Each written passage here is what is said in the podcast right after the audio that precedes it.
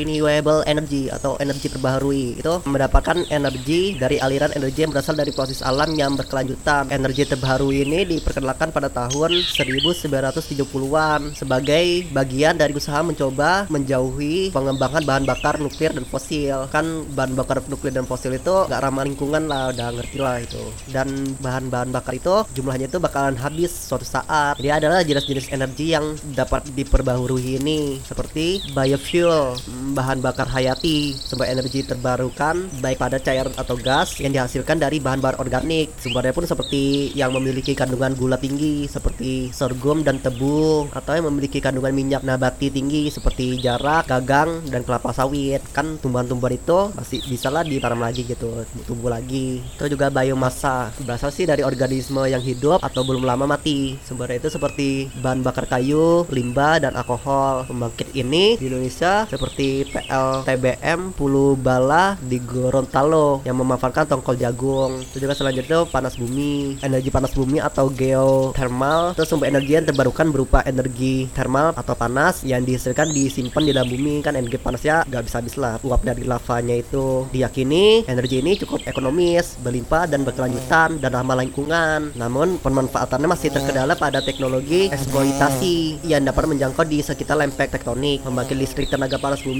atau PLTP itu ada di Sibayak Sumatera Utara Salak Jawa Barat Dieng Jawa Tengah Lahendong Sulawesi Utara. Selanjutnya air pun juga bisa jadi energi alternatif daripada bahan bakar fosil. Jadi sumber energi ini didapatkan dengan memanfaatkan energi potensial dan energi kinetik yang dimiliki air. Saat ini sekitar 20% konsumsi listrik dunia dipenuhi dari pembangkit listrik tenaga air atau PLTA jadi di Indonesia ada di Singkarak Sumatera Barat Gajah Mungkur Jawa Tengah Karang Kates Jawa Timur Riam Kanan Kalimantan Selatan dan Larona Sulawesi Selatan. Terus selanjutnya angin energi angin. Apa untuk memanfaatkannya itu? Digunakanlah kincir angin. Dan diubah menjadi energi kinetik atau listrik. Kan sayang kan angin itu gerak-gerak gitu masa kita nggak manfaatin. Kalau di Indonesia itu ada di Samas dibantu sama Yogyakarta. Selanjutnya energi matahari itu panel solar. Jadi matahari itu diserap jadi energi listrik gitu kan. Itu adalah singkatannya PLTS bangkit listrik tenaga surya. Ada di Karang Gasem Laijua Nule Solor Barat NTT ya sekarang orang-orang udah mulai sadar lah rakyat Indonesia pun juga ada yang beberapa juga mulai menggunakan energi matahari ini. Kan sayang di Indonesia ini kan mataharinya panas banget gitu. Masa nggak dimanfaatin gitu? Terus juga gelombang laut pun juga jadi bisa di, dimanfaatkan. Apalagi Indonesia kan negara maritim gitu. Jadi terletak di dua samudra berpotensi tinggi memanfaatkan sumber energi dari gelombang laut. Tapi energi alternatif ini masih taraf pengembangan di Indonesia. Pasang surut, energi pasang surut air ini kan, kita dapat dua jenis sumber energi pasang surut air laut. Pertama adalah perbedaan tinggi rendah air laut saat pasang dan surut. Yang kedua adalah arus pasang surut terutama pada selat-selat yang kecil. Like energi gelombang laut, nah, itu dimanfaatkanlah memiliki potensi tinggi untuk memanfaatkan energi ini karena Indonesia negara maritim. Tapi sumber energi ini belum dimanfaatkan lagi. Nah, lagi lagi trennya panel solarnya ini tenaga surya karena Indonesia yang sebagai mataharinya panas banget gini biar berpeluang untuk dimanfaatkan. Apalagi udah tau lah proses cara pemanfaatannya itu. Dan bidang tenaga surya ini bisa jadi peluang bisnis. Contoh-contoh ini produk solarnya itu telah hadirlah apa produk-produk solar yang boleh dimanfaatkan masyarakat seperti sistem penghangat solar attic fans sistem pendingin pompa solar lampu jalan solar gauges sama charger solar. Dari nama-namanya sih udah ngerti sih apa gimana sih? Atau produk sekundernya aftermarket solar product jadi banyak produk solar yang dapat dijual dengan sasaran pihak yang telah memasang solar di tempatnya seperti solar backup generator, teknologi yang membantu sistem solar memproduksi listrik lebih banyak maupun teknologi lampu solar daya rendah dan masih banyak lainnya. Atau layanan pihak ketiganya, servisnya itulah maintenance-nya yang berusaha mencari alternatif metode pembiayaan proyek solar ini seperti solar financing, memberikan pilihan bagi developer solar untuk membiayai proyeknya dengan resiko paling kecil. Juga solar cleaning, solar repair, solar appraisal, jasa reparasi solar itu diperlukan untuk memperbaiki komponen yang rusak setelah masa garansi nah, maintenance juga investasi proyek solar jika kita bisnis di bidang solar tapi ingin menghindari aspek teknis dan operasional yang terlalu rumit kita bisa bisnis sebagai investor. Jadi itu peluang baru lah proyek solar ini di Indonesia. Ke pasar needs. Ya solar ini tidak diterapkan di rumah atau gedung bangun saja tapi bisa diterapkan di sistem lainnya seperti solar untuk RV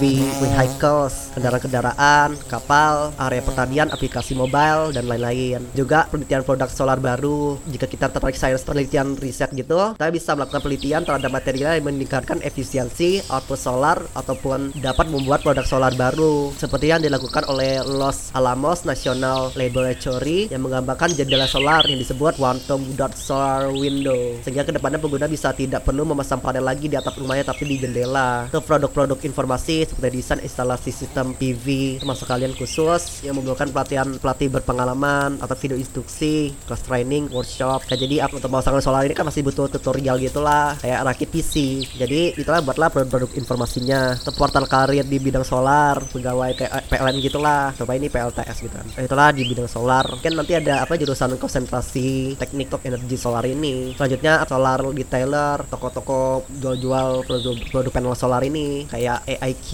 SC itulah Australia Indonesia Quality Solar Collaboration. Yang salah satunya menyediakan franchise retailer ini. Dan selama ini kan kita pakai energi fosil itulah dari sektor transportasi dan industri. Itulah kayak minyak bumi batu bara efek negatifnya itu terhadap udara dan iklim. Jadi kan minyak bumi dan batu bara itu kan juga melepaskan gas-gas gitu antara lain karbon dioksida CO2 nitrogen oksida NO2 dan sulfur dioksida SO2 yang menyebabkan pencemaran udara hujan asam smog dan pemanasan global. Emisi NO2 nitrogen oksida itu uh, melepaskan gas NO2 ke udara setengah dari konsentrasi NO2 ini berasal dari kegiatan manusia tetap pembakaran bahan bakar fosil untuk pembangkitan listrik dan transportasi sisanya berasal dari proses alami. Dan itu adalah kegiatan mikroorganisme dan mengurai zat organik. Di udara itu sebagian NO2 dia tersebut berubah menjadi asam nitrat HNO3 yang dapat menyebabkan terjadinya hujan asam. Emisi SO2 sulfur dioksida itu melepaskan gas SO2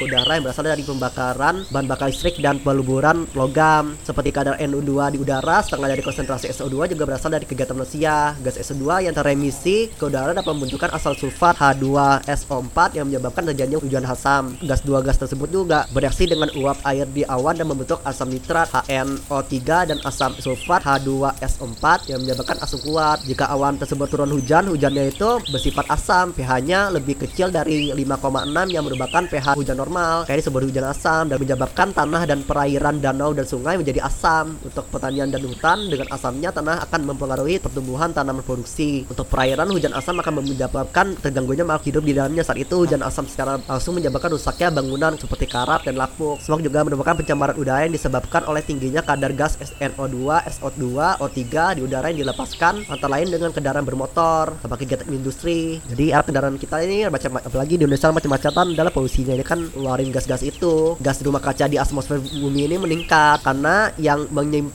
zat panasnya cahaya matahari itu emisi CO2 makanya sekarang ini dunia jadi panas pemanasan global lah gitu. Gas-gas CO2 ini menahan radiasi inframerah. Apa radiasinya ini nggak hilang gitu setelah dipancarkan sama matahari. Yang tetap suhu Indonesia ini kalau di kotaku Medan ini sekitar 32 derajat suhunya. Hampir setiap hari kayak gini panas lah gitu. Makanya kita ini ah, mesti pakai AC gitu kan. Terus gara-gara panasnya ini nggak produktif jadi mas-masan jadi masa untuk gerak gitu. Juga ini ah, energi fosil ini apa, memberikan dampak ke perairan. Ya limbahnya itulah. Apalagi kalau minyak bumi pengangkutan minyak bumi ini yang tidak layak itu misalnya bocornya tangkar minyak kecelakaan lain itu ditumpahkan ke laut sungai atau air tanah. Kayak jadi tercemar apalagi pas limbahnya ini limbah pabriknya ini kan itu juga dampak terhadap tanah. Dari pertambangan batu bara berkaitan dengan lapisan tanah muncul terutama pada pertambangan terbuka open pit mining. Pertambangan ini membulukan lahan yang luas jadi diketahui bahwa lapisan batu bara terdapat di tanah yang subur sehingga bila tanah tersebut digunakan untuk pertambangan batu bara maka lahan tersebut tidak dapat dimanfaatkan untuk pertanian atau hutan selama waktu tertentu. Apa fungsi tanahnya itu hilang gitu untuk bisa menanam.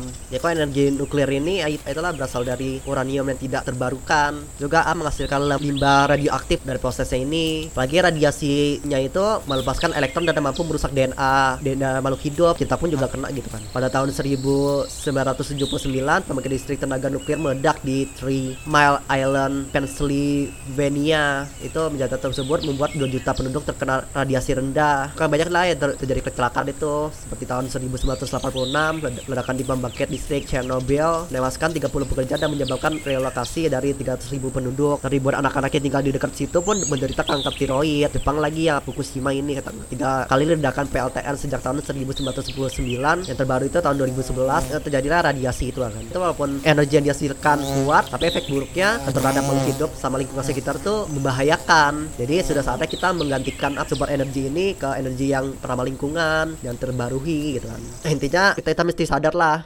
Bye.